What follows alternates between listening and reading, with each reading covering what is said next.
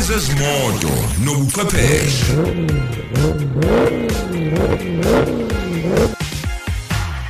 Ngibingelele kumsakazi ye-studio futhi ngibingelele ngokukhethekile abalaleli abahle bokhozi FM igama usibonelo myeni and uyazi ukuthi uma sikulesine kuyilesikhathi sikuphathela izimoto nobuchwepheshe la kwisidlo sasekuseni. Namhlanje ngikhuluma ngento abantu abaningi abahlale betshena ukuthi into eyenzeka eGauteng kuphela inkinga yabantu baseGauteng kuphela kodwa ngoba siyahambelana siyahambavakashelana ngezimoto zethu. Lenkinga le ingathola isik velela nawe uma uvakashe eGauteng. So ngiyacela ukuthi ulalelisise kahle.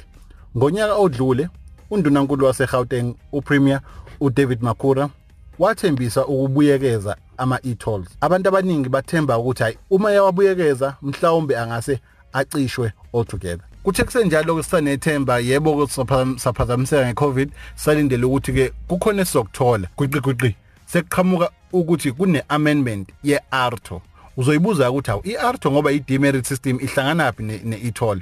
Ihlangana lana uma ubheka i-ARTO ile yokuthi uma uphule umthetho emgaqweni uthola ama-point. Uma ama-point akho azafika ku-12 i-license yakho iyasuspend okusho ukuthi awukwazi ukuthi ushayele. Uma uyibheka kuyimanje amaphoyint okuyiwona ahamba phambili. Kuzoba khona ushintsho ke oselenziwe olufakwe baka transport oluthi uma kuwukuthi uphule umthetho we-e-toll okusho ukuthi udlule kwi-gantry wangayikhokhela kwaze kwaba i-fine. Uzokhokha u1000 ngegantry iyodwa. Uma ubheka lama gantry agcwele eGauteng okusho ukuthi uma udlule ama gantry mhlambe awu10 wangawakhokhela kwaze kwayi-fine u10000 lo ngaphezulu kwalo 10000 uma bese bekwazisa notification ku100 rand ngenotification iyodwa okusho ukuthi ke uma udlula u10 wakwazi agcina isiyifine u10000 plus no 1000 lo o100 rand abahlangene so 11000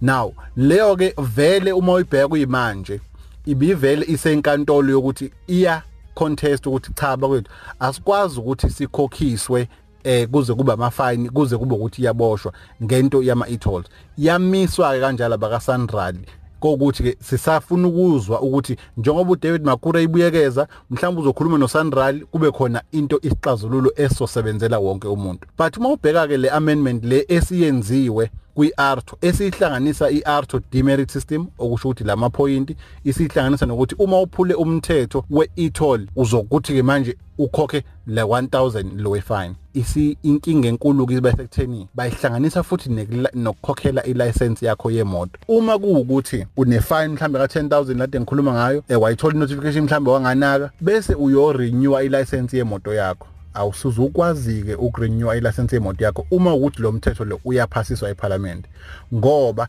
ngaphambi kokuthi ukhokhele ilayisensi yakho ikuvumele ukuthi uyikhokhele uyirenew uthole idisk entsha kuzomela usikhokhele isikweletu sani se-e toll lento kuyona ke ebanga inkinga. So uma ubheka manje kuhlanganiswa i-e-toll esithemba ukuthi izohamba kuhlanganiswa i-demerit system iArto kwayona esingazi ukuthi ngempela iqala nini ngoba bekumele ubakade yaqala uma ubheka ithembise kade zikhona ngamaphoyinti. Bese ke sifaka ne licensing ukuthi ke uma uphule umthetho we-e-toll aw wathola ifine awusuzokwazi ukuthi eh, urenew ilicense yakho.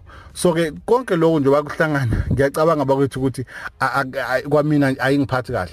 Kodwa ke sinenyanga esele ukuthi abantu babeke imbono yabo kule amendment le yeArto ebafuna ukuyenza eh ka Department of Transport. So ke ngiyacabanga ukuthi umuntu kumele ucommente ukhombise umuzo wakho ukuthi uyavumelana nalento noma cha.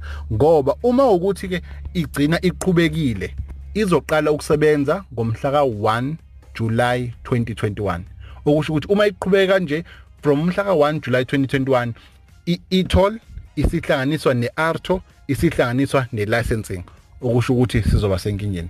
So ke izinto ngicabanga ukuthi eh izinto ekumele sinake and nami ngibonile ukuthi ake siyikhulume lento le. Sizamile ukuthinta abaka transport ukuthi basichazisele ay kuze kwayile isikhathi ukuthi umuntu ayesemoyeni singakwazi ukuthi sithole ukuthi ngempela kwenzakalani. So the more ngithola i-response kubona ngizobuyela kuwena mlaleli ngikwazise kahle. Esibonile lomyeni uzokwazi ukuthi usithole futhi ke enkundleni zethu zokuxhumana imoto media kwi-Instagram imoto online kwi-Facebook imoto_online kwi-Twitter. Khumbuleke kumabona kude wakho ngo half past 7 namhlanje unethezekile ekhaya uyakwazi ukuthi ubuke imoto ezintsha esikulethele zona. Uhlaye nathi sokubona ngo half past 7 igama usibone lo myeni.